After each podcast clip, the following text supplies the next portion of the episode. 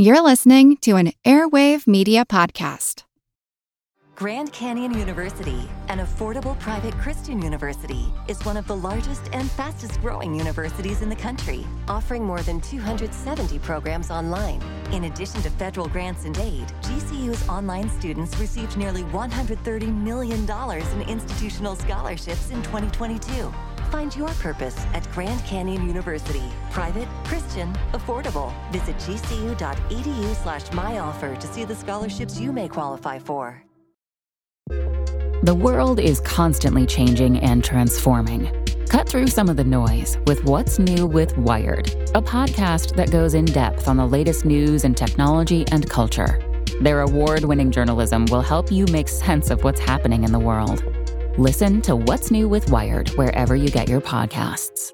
That's What's New with Wired wherever you get your podcasts. This is Kick Ass News. I'm Ben Mathis.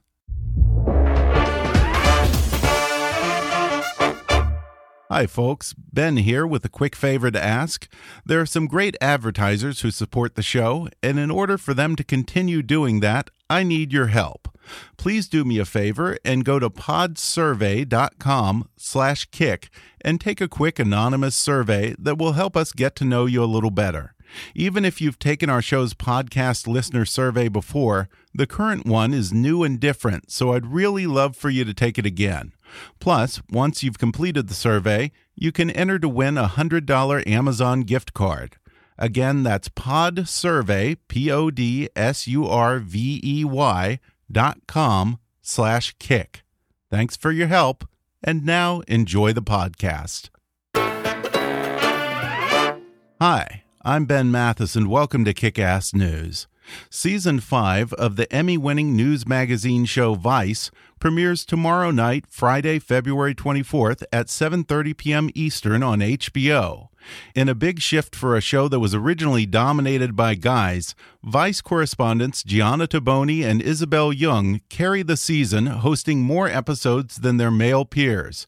Gianna and Isobel joined Vice in season 3, proving themselves every bit as fearless as the boys, confronting Gitmo detainees, rape perpetrators in the Democratic Republic of Congo, and ISIS fighters in Iraq, and covering topics as diverse and controversial as GMOs, dynamite fishing in Tanzania, commercial surrogacy in India, Uganda's death penalty for gays, and Afghan women's rights.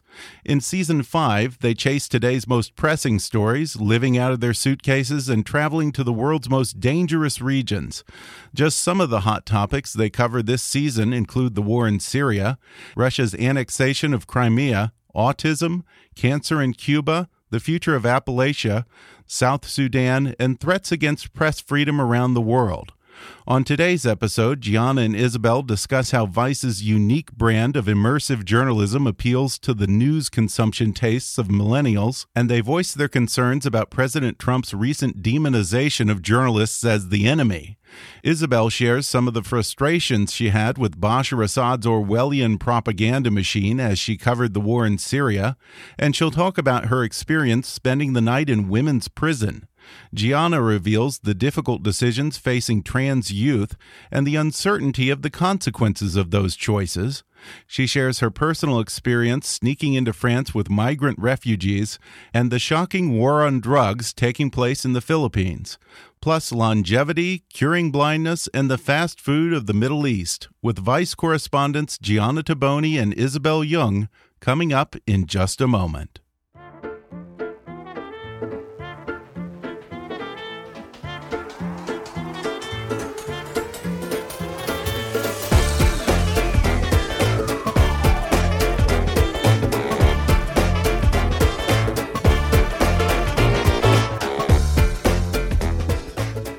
Season 5 of Vice airs on HBO on Friday nights. Today I'm talking with Vice correspondents Gianna Toboni and Isobel Yeung. In the past, just some of the topics they've covered for Vice have included Gitmo, GMOs, sexual assaults on college campuses, China's trade relationships in Africa, same sex marriage, Afghan women's rights, the environmental cost of meat consumption, the Paris attacks, commercial surrogacy in India, Egyptian tomb raiders, and fishing with dynamite. Yes, that's a real thing. Gianna and Isobel, Thanks for talking with me. Thanks so much. Thanks. Good to be here. Um, Vice has been at times accused of being a little too broy. This season, women are taking center stage. In fact, you're getting more airtime than your male counterparts. Uh, was that part of a conscious decision on the part of the producers?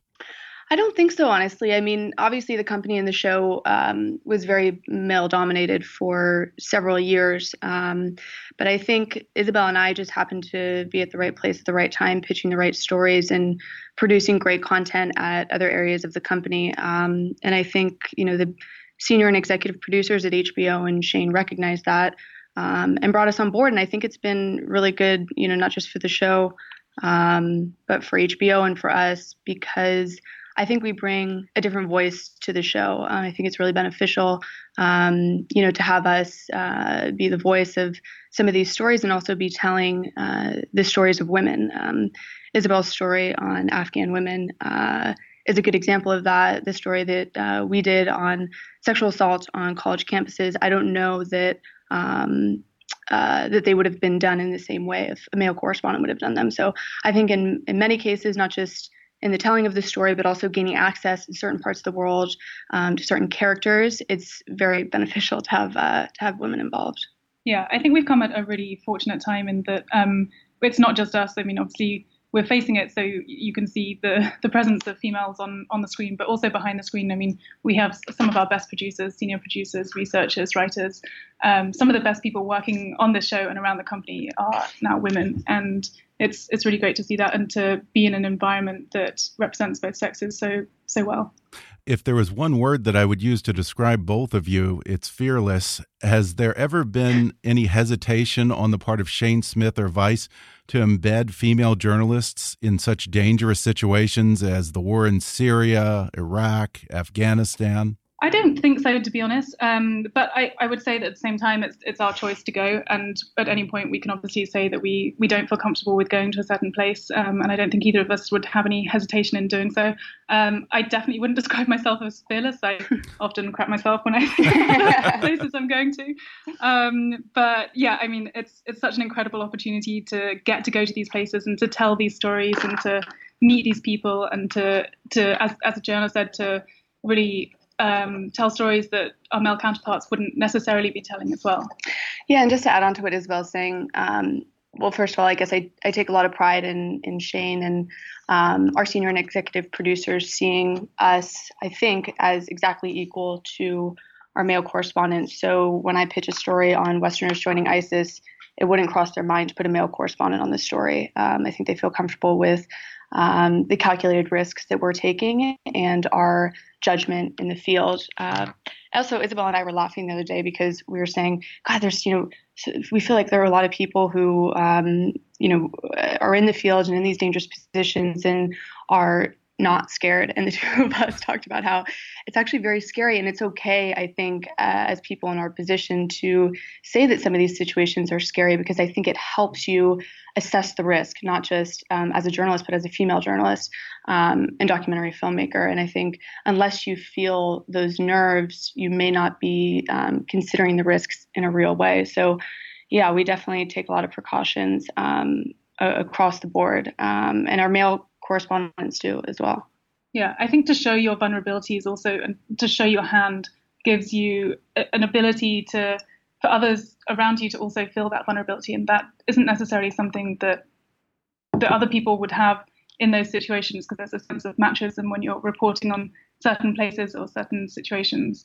Um, so I think I think having the ability to to show that vulnerability can only be a good thing. Yeah, and that kind of speaks to the culture at Vice. Um, I think it was Vice that coined the term immersive journalism, which kind of boils down to getting a closer, more authentic story, more of a documentary style. Um, compared to CNN and Fox News, where you barely see anything on screen for all the graphics, do you think that millennials want their news delivered in perhaps a raw, less produced package? Yeah, I mean, I think for both of us, one of the benefits and the, one of the draws of actually working on the show is getting to do in-depth stories where um, the viewer really gets to join us and to see the journey that we're on and to experience some of the things that we experience and to to really feel the story. Um, and I think that I hope that that's what a audience would want to see. They don't want to just see the polished, overly produced version of, of the story. They want to see how we get it and the obstacles we come across in actually getting it. It's amazing how uh, effective it is making a very simple change, which is talking to the viewer like you're talking to your friend on the couch of your living room. Yeah. Um, as a viewer, uh, before I came to Vice, as soon as I saw Vice, I thought, wow, I'm all of a sudden interested in watching these long form pieces. I was being uh, fed this narrative everywhere that millennials don't like uh, hard, long form uh, journalism. And I didn't feel that way. My friends didn't feel that way. I think it was just the way that we were being fed this content. And so Vice, I think, was very refreshing for everyone and, and remains that way. And Gianna, am I right that you interviewed a member of ISIS in Iraq in this season? I mean, knowing how horrific the things that they do to women are, uh, was that terrifying for you? Yes, we interviewed uh, two two ISIS fighters. Um, if I could, I'd like to start with kind of a more lighthearted story uh, that happened while we were there. okay, let's ease into it. survive it. doing this without a little humor. um, we were invited to take uh, to take a tour of an ISIS prison. So there were hundreds of ISIS fighters here. Um, and when we walked in, I was relieved to see that they were all behind bars. Uh, and uh, so we're walking around, and you know, the the one of the heads of the prisons is showing me the medical facility, and then he brings me into um, the tea room where tea is made for the prisoners. They were trying to, you know, uh, emphasize that they treat these people um, while considering, you know, human rights and in humanitarian ways. And so we walk into the tea room, and there's a gentleman there who is pouring the tea, and uh, because it didn't really relate to what we were doing, the story we were telling, it just said, "Hey, man, like, do you like your job?" And he turned to me and in Arabic, he sort of smiled uh, and said, Yeah, I'm a prisoner too. And at that moment, I realized, oh, wow, not all of them are behind bars. and when you're in that position, you have to realize that you're, you know, a white, non-Muslim American woman working in media. They're perfect target. Mm-hmm. Um, and so I, I was a little more uh, cautious, I think, on the rest of the tour. Um, but in terms of interviewing them, I found it fascinating because, you know, we see them just through their YouTube videos and uh, their horrific beheadings that they execute, and through their magazine and social media and you know YouTube propaganda videos. You don't often get to hear from them in a more personal way. And I got to learn their stories firsthand, how they grew up, what they were doing in the years before they joined ISIS, and why they joined and it wasn't uh, obvious what we learned. I mean, one of the people we spoke to, um, he was a bad guy, no doubt. He talked about, you know, how the caliphate wouldn't stop growing until they reached DC. But the other person I talked to um, was not your typical ISIS fighter. He, at least what he told us, was that he was an uneducated shepherd. He had five kids, and his brother showed up to him one day, um, showed up at his door one day and said, uh, you're joining this this group with me. And he said no way i have no interest in, in doing that. And he said they're going to come back and kill your whole family if you don't join. So he picked up his stuff and walked out the door. Um, so you know uh, i think painting everyone with the broad brush is a little bit dangerous because you know just like any other criminal organization cartel gang in the us even there are different reasons that people join these groups. And speaking of isis season 5 opens with isobel covering the war in syria it was an interesting piece because it seems that you had a hard time getting anyone to speak honestly about what's going on in the country. One person you spoke to anonymously even called it Orwellian. I wonder, Isobel, do you think that the people's silence and obvious acquiescence to the Assad regime said more than anything that they could have put into words? Absolutely. I mean, I think it was a difficult piece to do because uh, uh, the whole time we had a government minder with us who was following us everywhere, checking that we weren't seeing the wrong things or doing the wrong things or speaking to the wrong people or anyone spoke out of line. Um, so it's always going to be difficult to get those candid moments. I think some of the most revealing times were the moments that were whispered to us or spoken casually or referenced off air. Um, and as you see in the piece, there's this moment where one of the government security officials turns to us and says, This is 1984. This is very much an Orwellian police state. And it's those kind of moments that become incredibly revealing. Yeah, and one of my favorite moments is when I guess you kind of had your role reversed on you, and you were actually a guest on a morning show on a government television station. Um, I think you and the hosts were having entirely separate conversations, weren't you? I think so. Yeah, I think we, were, we went in there with uh, different intentions as to how we wanted that to play out, and they didn't take too kindly to me asking them a few questions. Um, I mean, this is going to be aired on state media, and they know that the government is going to be watching them. In fact, uh, the host that I spoke to afterwards admitted that the government does watch it, and they're very aware that uh, if they say something that they're not content with, then they will be informed. Mm. Um, and so, yeah, it was this incredibly awkward moment, which was extremely tense because it was live TV, um, where I'm asking them a question and they're batting it back and asking me a question, and it just turns into this tennis round of questions that no one's really answering. Um, so yeah, definitely one of the most awkward live TV situations I've been on. yeah, the propaganda machine in Syria is really a thing of wonder. Uh, did you start to have dreams about Bashar al Assad after seeing his face 500 times a day plastered on every wall, every billboard? Yeah, I mean, the prevalence of that was astounding everywhere you went, in, especially in Damascus, where, I mean, his presence has been extremely um, consolidated for a while. Um, yeah, you do start to think about it a fair bit. I think one of the things that we were trying to figure out while we were there is, you know, how genuine is the support? How loyal are these people? Mm-hmm. Um, and it's a difficult question to ask when you go into a dictatorship and you're only allowed to really see one side of the story, and the side of the story that you're seeing is extremely well monitored, and that propaganda machine is extremely well functioning. Um, and uh, yeah, I think the prevalence of those posters both speaks to how solidified his power really is, and also his vulnerabilities and his weakness. And and often the most glaring examples of his um, presence around these cities is also the biggest sign of uh, of the vulnerability of that.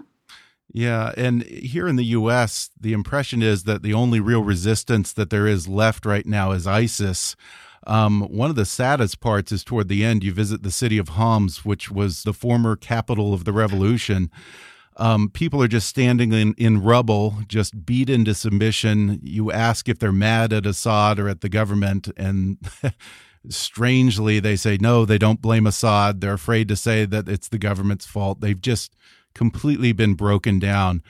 Um, do you think the resistance is wearing down to the point where they just don't have the fight in them anymore? Is there still a legitimate free Syrian resistance left?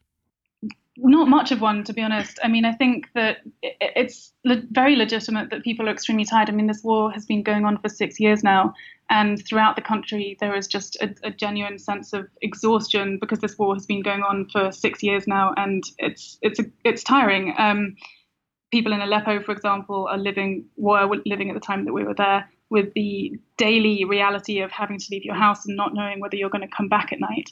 And in Homs, it was just an incredible realization that people are moving back, picking up their lives a few years later from where they left off, and moving back into their homes. And yes, accepting that this is the reality. And it was an incredibly apocalyptic, terrifying movie like scene to be walking into. And it was extremely sad. Well, on the domestic front, Gianna, one of the stories you cover is the controversial issue of transgender youth. Um, it seems that these children and these families are sort of caught between a rock and a hard place because they're often having to make such permanent decisions at such a young age. But on the other hand, the longer they wait, the harder that transition is going to be. Um, did it seem like a cosmically unfair situation to put any child or teen in to have to make such difficult adult decisions at that age? I think definitely. I mean, I think, you know, because there isn't long term data on uh, whether children regret this decision in the future, it's really difficult for doctors, parents to. Um, to, to make the decision of whether to move forward with a medical transition for these kids. The problem is that if the children are not not allowed to medically transition, and the parents discuss this, and it's it's agonizing if parents don't allow their children to transition, they're facing a 40% suicide rate. Wow. So, what some of the parents told us is that there is no decision. I would rather have a boy as my child than no child at all. Um, so it's incredibly it's incredibly difficult, and, and, and, you know it's so strange to do a story that um, has obviously been in the headlines very consistently for the last few years, but is still in many ways completely undiscovered. Doctors, the experts at the center of this issue, don't know whether they're giving the right guidance. Yeah. Um, and so, for parents, for doctors, yeah, these decisions are, are incredibly agonizing. Yeah, that was interesting to hear that even the doctors admit that, you know, this is the first generation to transition before adulthood. So it's hard to predict what the effects are going to be. Yeah, exactly. And I mean, you talk to uh, someone like Charlotte, who's one of our characters. She's 18 years old, and she wasn't able to begin her transition before puberty, which means, um, as she described it, she developed manly elements. Um, and she's now on estrogen, um, which is helping her uh, transition in the way that she wants to. She underwent breast augmentation, which again is helping her pass as a woman. Um, but she wishes that she was able to go on hormone blockers, which which pause puberty before puberty. Um, she wishes, wishes she was able to go on cross-sex hormones um, before she was eventually able to, and the reason she didn't was because her family wasn't accepting of it. Well, I wonder, from your experience with these families, what would you say to those who, coming completely from an unbigoted place, coming from a place of empathy and compassion, say, you know, if someone identifies or wants to be something that it's biologically impossible for them to be, a man can't give birth to a child and so forth aren't you just setting them up for disappointment and heartache? Might not it be kinder to encourage them to accept who they are? What would your response be to that? I completely understand where those people are coming from. I completely understand it, and I heard it and thought about it so much in reporting this story.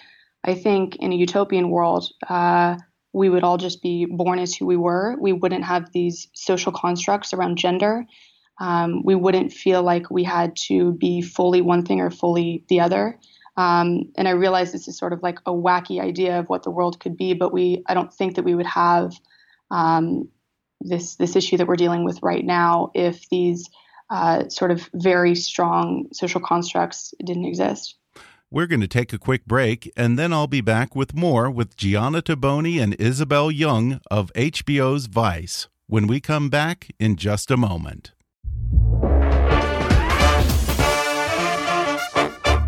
So it's a new year now, and there's no better time to launch an online business or expand your online presence for your existing business, and GoDaddy.com wants to help.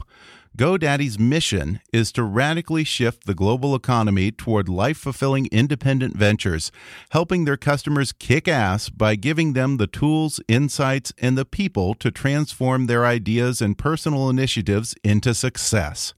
GoDaddy is the world's largest technology provider dedicated to small business and the largest domain registrar with over 62 million domain names under management and big savings over other registrars. Their award winning 24 7 support will help build your online business and give you everything you need to get up and running. Whether you have a new idea or an established business, the key to success online starts with a great domain name, and GoDaddy is trusted by 13 million customers. That's more than any other registrar. And right now, my listeners can get a special discount on a GoDaddy domain if you just use my offer code KICK30 at checkout to get 30% off new purchases. That's GoDaddy.com and offer code KICK30 for 30% off. You don't have to spend a fortune on a domain. Just go to GoDaddy.com and type in the offer code KICK30 at checkout for 30% off and launch your online business today. And now, back to the podcast. Isobel, you did a segment about the women's prison epidemic. You even spent a night in women's jail. I'm assuming that that was your first experience in women's jail. What was that like? You assumed right. You'd be you, surprised. um, yeah, it, I, you know what? I wasn't expect. I wasn't you know, I really wasn't prepared for how desperately sad it was going to be. You go to these places like Syria or Iraq or wherever, and you you know there's a part of you that is psychologically braced for going into a situation which will be miserable. I wasn't prepared for that when I went to spend the night in jail, although I probably should have been. Um, it was it was really interesting. Uh, every person we spoke to had a really tragic tale to tell us, and these women were incredibly open with their stories and willing to share their time with us and make my bed for me and to make me feel like um, and make me feel welcome in their environment. And they were incredibly generous. Um, I think that the story itself is incredibly important because uh, women are the fastest growing population of incarcerated people in the US right now, um, and the attention on them is relatively slim compared to their male counterparts because they still only make up 9% of the incarcerated population.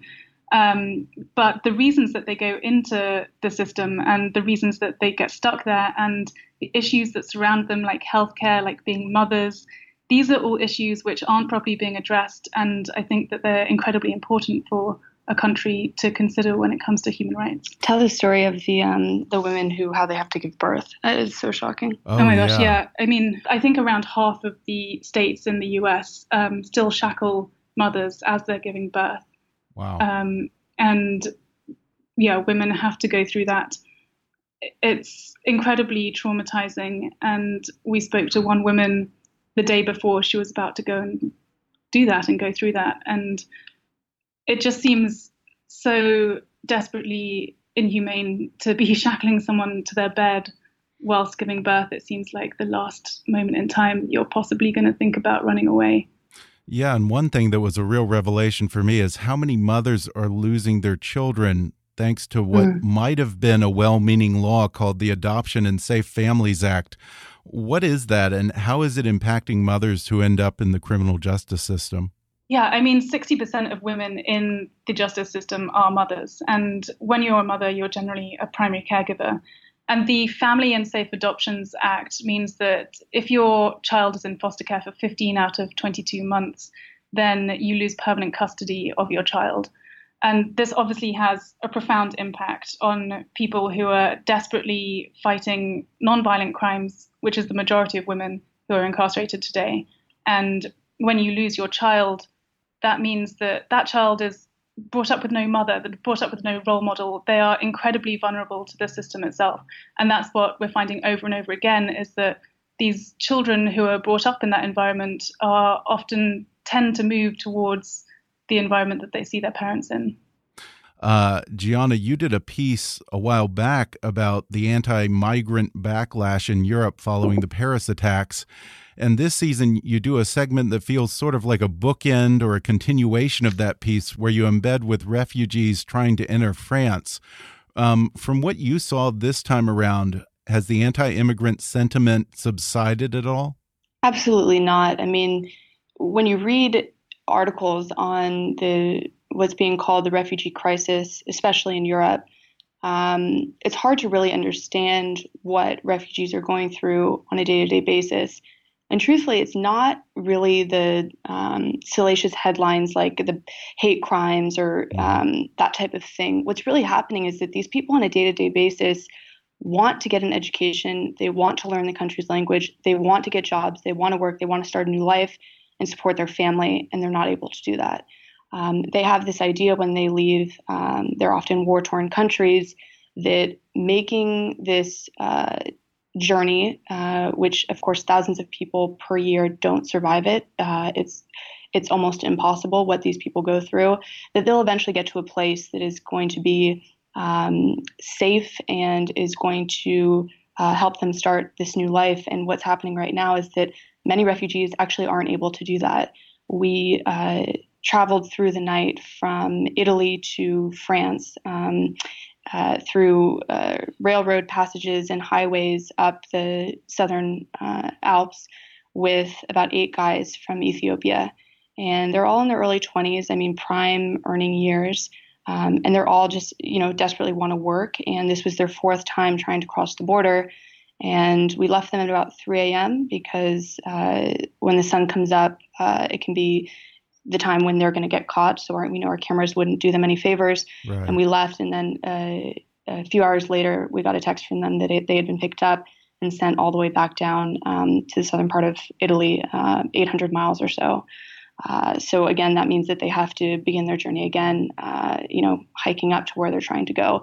So I mean, I think the main problem here is that European countries don't know how to handle this situation right now. They have such um, an extreme influx of people coming into their countries. Unemployment um, is already high in some of these places, and so the idea of uh, you know processing and providing employment um, for all of these migrants uh, is incredibly difficult, and uh, and for the refugees, you know, definitely difficult for them as well.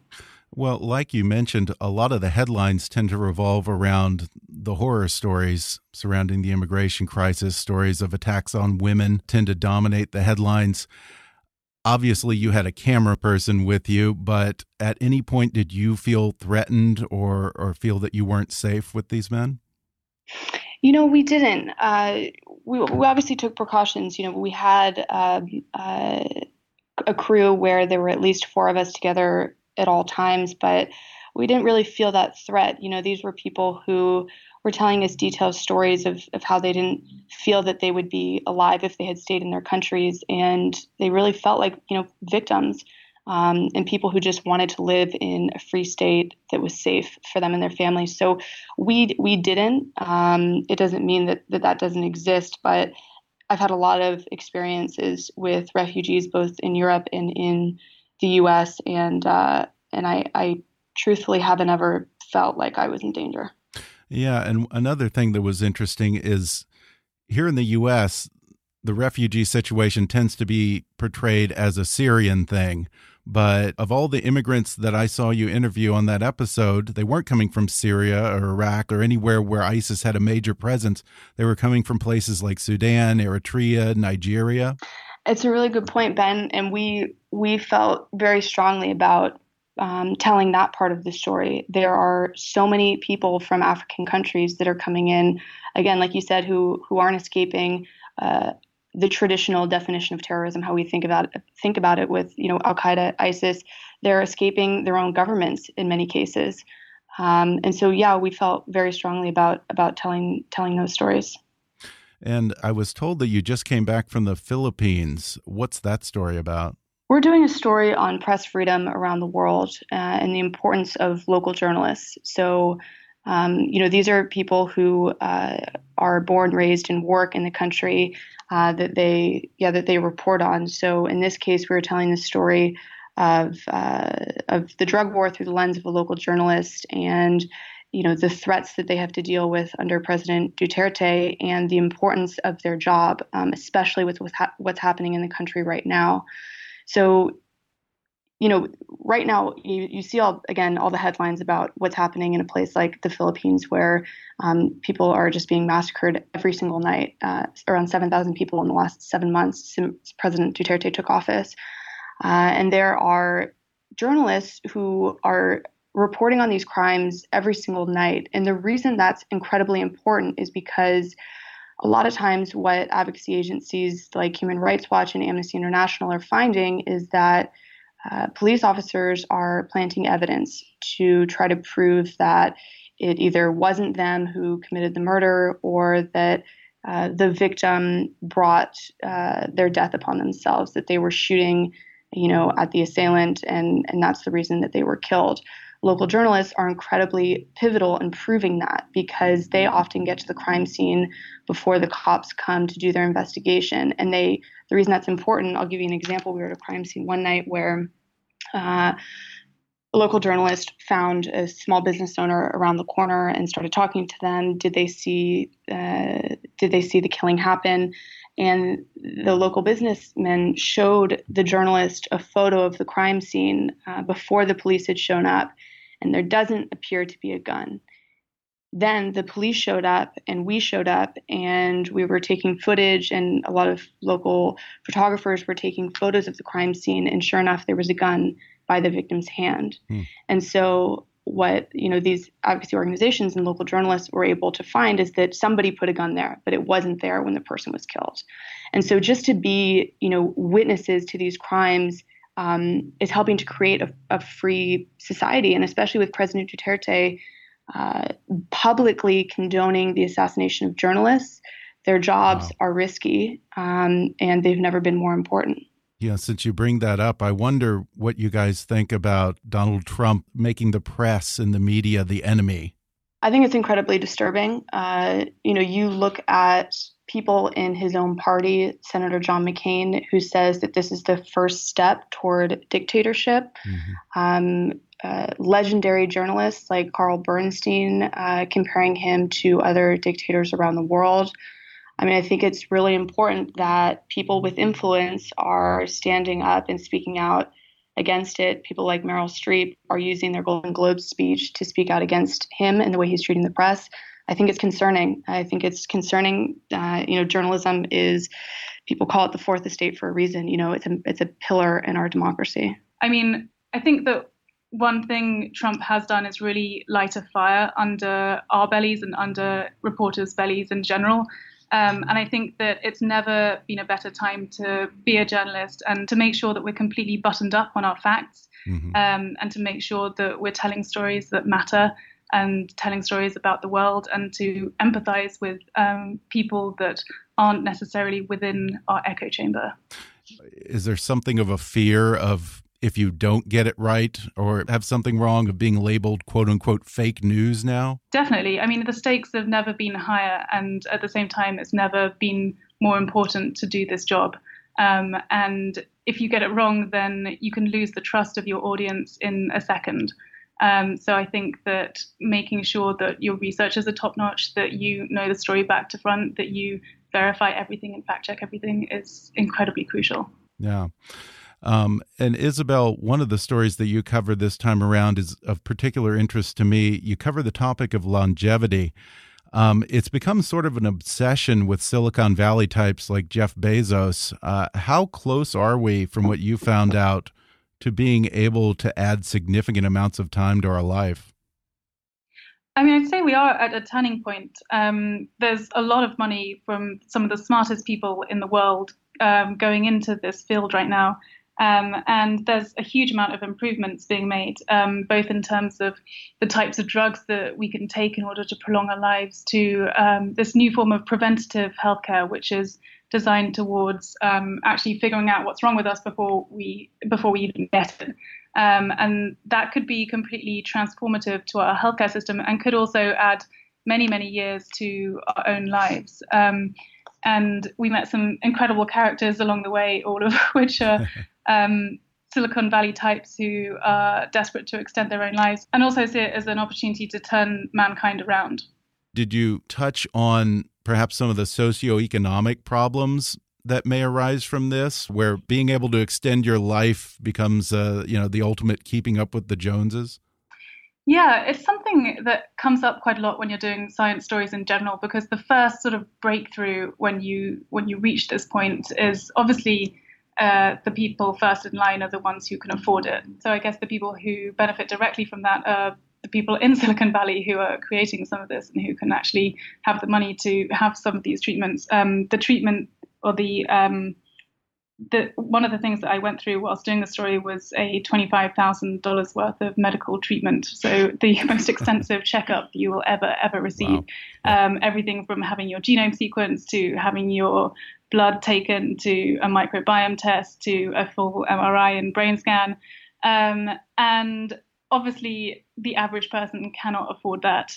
Um, having said that, I think that this is, having said that, I think that every time there's a breakthrough in science, um, it can only be a good thing for humans and for mankind. And I think that um, whoever is first in line, um, humanity will ultimately benefit from it. I read here that Gianna is doing a piece on fast food in Saudi Arabia. Uh, I'm guessing that you saw a lot of KFC. Am I right? so right? it's actually it's fast food in the Middle East. We went to Kuwait to do the story. Okay. We were there for about two weeks, um, uh, meeting with different uh, fast food companies and consumers going into this piece, I have to tell you, Ben, I hadn't had fast food in, I don't know, 20 years. And uh, obviously, for health reasons, I just had no interest in it. I even got in fights with my brother who eats fast food um, over Christmas holiday. Uh, and then I did this story, and I was there eating uh, multiple fast food meals per day for the story. And I have to tell you, I love fast food now. love fast like, food, but only Middle Eastern fast food or regular fast food? Regular because I'm, it's all American fast food companies in Yeah. Kuwait. Uh, so they have their different spins on the dishes, but you can still get the chalupa from Taco Bell and Really? the Whopper from from Burger King. And uh, it's it's uh, yeah, it's it's gross, but I, I have to tell you, I'm I'm I'm into it. I'm gonna get Isobel into it in no time. What's most popular over there? That's a really good question. I would say McDonald's. I mean, they Okay. they see these companies differently than we do. They they're big, you know, businessmen, multimillionaires who have their business meetings in fast food restaurants. McDonald's is sometimes seen as the as like the most luxurious place to host uh, a client. Um, I would say McDonald's, but they have KFC, Taco Bell, Yeah. Burger King. They have Pizza Hut, all of them. Yeah, I've noticed that, you know, when I've traveled, the one thing that I see everywhere is KFC. So I think it's the one thing that whether you're in the Middle East or Europe or Asia, they can all agree on for some reason. I guess chicken is safe for pretty much anyone. There's no Yeah. re religious restrictions on it's chicken. a really good point. point and it's it, it's a it's a central dish in in most cultures Mhm. so they can they can do KFC their own way you know they can do it with rice and different sauces that are popular that type Yeah. of thing In China, they have KFC chicken feet. KFC chicken feet.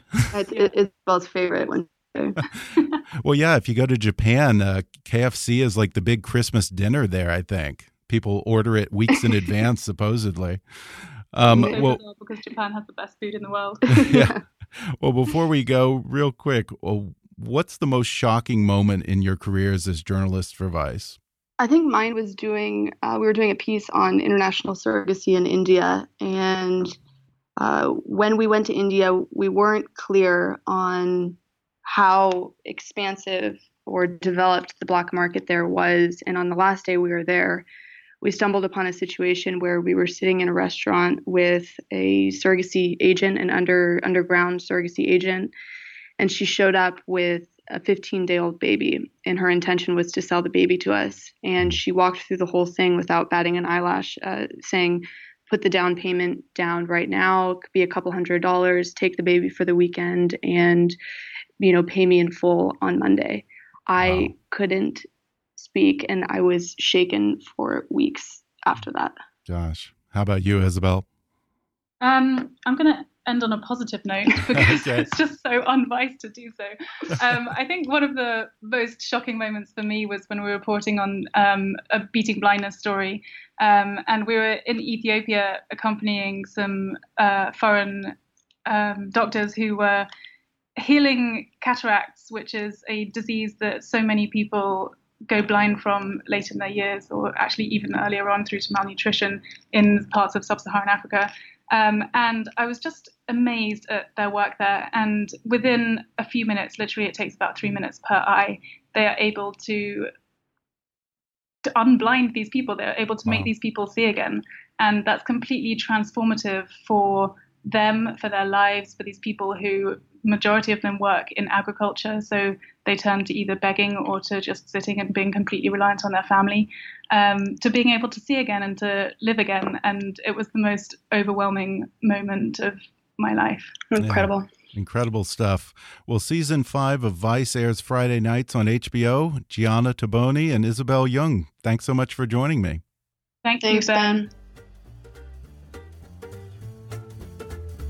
Thanks again to Gianna Toboni and Isobel Yeung for joining me. Follow them on Twitter at, at Gianna Toboni. That's G I A N N A T O B O N I. And Isobel at, at I Z Y E U N G. Vice premieres Friday night, February 24th at 7:30 p.m. Eastern, and it airs again at 11 p.m. on HBO. Or you can watch it on demand with a subscription to HBO Go or HBO Now. For more information, visit hbo.com/vice or vice.com. Be sure to subscribe to Kickass News on iTunes and leave us a review while you're there. Don't forget to take our listener survey. It only takes five minutes at podsurvey.com/kick. You can visit Kickass News on Facebook and follow us on Twitter at, at KickassNewsPod.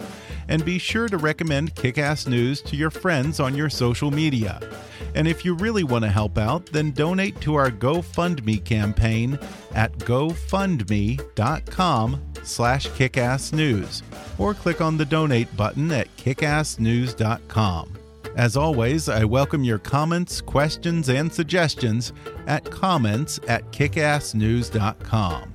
For now, though, I'm Ben Mathis, and thanks for listening to Kickass News.